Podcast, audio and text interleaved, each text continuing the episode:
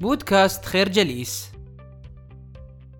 عندما نستمع لمثل هذه العبارات إنني عالق في حياة مملة. ليس لدي حياة حقيقية.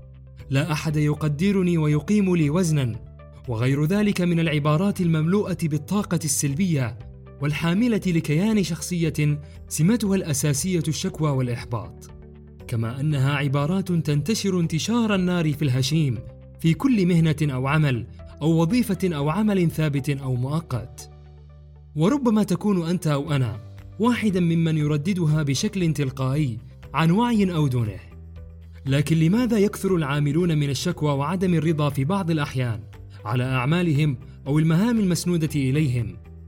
في دراسة أقامتها إحدى الشركات تم اكتشاف أن 37% فقط من العاملين والموظفين لديهم فهم واضح للأهداف التي تضعها مؤسساتهم، إضافة إلى غياب الحماسة والتحفيز في عملهم، وانعدام الرضا عن المهام المنوطة بهم.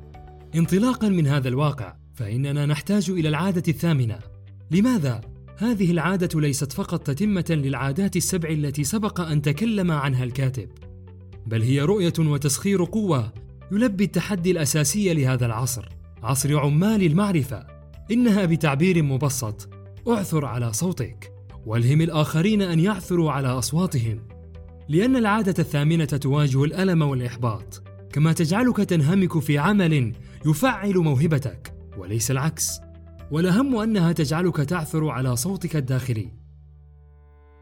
الفكرة العادة الثامنة هي صوتك الداخلي الذي يحارب معك كل أشكال الألم والإحباط. الحياة هي سلسلة متواصلة من التغيرات. لا شيء يقف عند حد معين. كل شيء قابل للتغير وعدم الثبات. وبما أننا في عصر التحولات الكبرى ازداد ضغط التغيير بشكل أكبر. وأصبح على الناس أن يديروا أنفسهم بأنفسهم مع أن المجتمع غير مهيئ لهذا الأمر البتة. تخيل أنك صياد من الزمن الغابر تجمع الطعام وتخرج كل يوم حاملا قوسك وسهامك. فهذا كل ما تعرفه عن حياتك. لكن ماذا لو جاء أحد وطلب منك أن تكون مزارعا؟ فكيف ستكون إجابتك؟ بالتأكيد يحتاج الأمر إلى تحولات كبرى في الذهنيات وطرق التفكير والمعرفة. وبما أننا في عصر عمال المعرفة اليوم فإن ذلك سيجعل الإنتاج يفوق إنتاج العصر الصناعي بخمسين ضعفا. لماذا؟ لأن العمل الذي يعتمد على نوعية المعرفة قيم جدا. كما أن إطلاق العنان للإمكانيات التي يحملها هذا العمل. سيوفر للمؤسسات فرصة استثنائية لابتكار القيمة والاستثمار والتركيز. لكن لماذا لا يشعر الناس بالارتياح والرضا في العصر الصناعي؟ ما قبل عصر عمال المعرفة.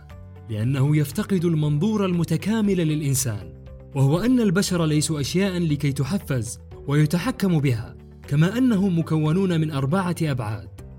الجسد العقل القلب والروح. الفكرة عصر عمال المعرفة اليوم. سيجعل الإنتاج يفوق إنتاج العصر الصناعي. خمسين ضعفا.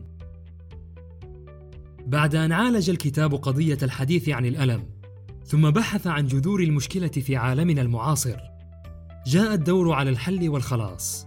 هذا الحل كان نتيجة تضافر الجهود والبحوث والخبرات والتجارب التي مر منها الكاتب. قبل أن يشرع في كتابة عمله. ومن هذا المنظور يمكن أن نخلص إلى أن معظم التغيرات التي عرفتها مؤسسات كبرى وشركات ذات شهرة عظيمة كانت نتيجة شخص واحد. هذا الشخص غالبا ما يكون هو القائد الرئيسي للشركة. وإذا لم يكن هو القائد فهم أشخاص قياديون غيروا أنفسهم بأنفسهم ولديهم المبادرة والكفاءة اللازمة والطاقة الإيجابية والشعور الراسخ بهويتهم ومواهبهم وكفاءتهم. وهنا يمكننا أن نطرح السؤال التالي: من أين يأتي هؤلاء الأشخاص بهذه الطاقات؟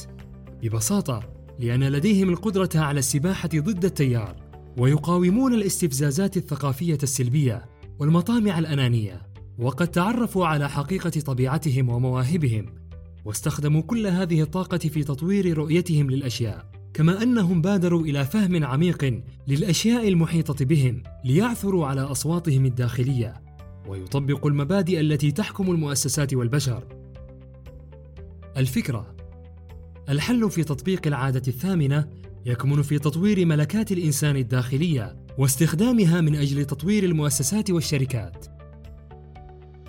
لقد منحك الله تعالى القدرة على اكتشاف صوتك الداخلي وطاقتك الروحية، وهي قدرات كامنة فينا لا تحتاج سوى إلى الاكتشاف. ولعل أهم هذه المواهب والهدايا نجد حريتنا وقدرتنا على الاختيار. القوانين الطبيعية أو المبادئ الكونية التي لا تتغير. القدرات الأربعة الجسدية، الاقتصادية، العاطفية، الاجتماعية، العقلية والروحية. ولنتحدث عن كل واحدة على حدة. حريتنا وقدرتنا على الاختيار، وتعني أننا أحرار في أن نفعل ما نشاء، وهذا يعني أننا يجب أن نتوقف عن لعب دور الضحية والابتعاد عن ثقافة اللوم والتشكي. القوانين الطبيعية أو المبادئ الكونية التي لا تتغير، هذه هي الهدية الثانية التي منحنا الله في هذا الوجود، وتعني أننا قادرون على أن نكون حكماء على الانسجام مع منطق الطبيعة الذي لا يتبدل ولا يتغير. ولا يحابي أحدا. تطوير قدرات الذكاءات الأربعة. ويلزمك ما يلي من أجل تطوير الجسد. افترض أنك أصبت بنوبة والآن عش حياتك وفقا لذلك. من أجل تطوير العقل افترض أنك ستمارس مهنتك لعامين وتصرف وفقا لذلك. من أجل تطوير القلب افترض أن الآخرين يسمعون لما تقول والآن تكلم وفقا لذلك.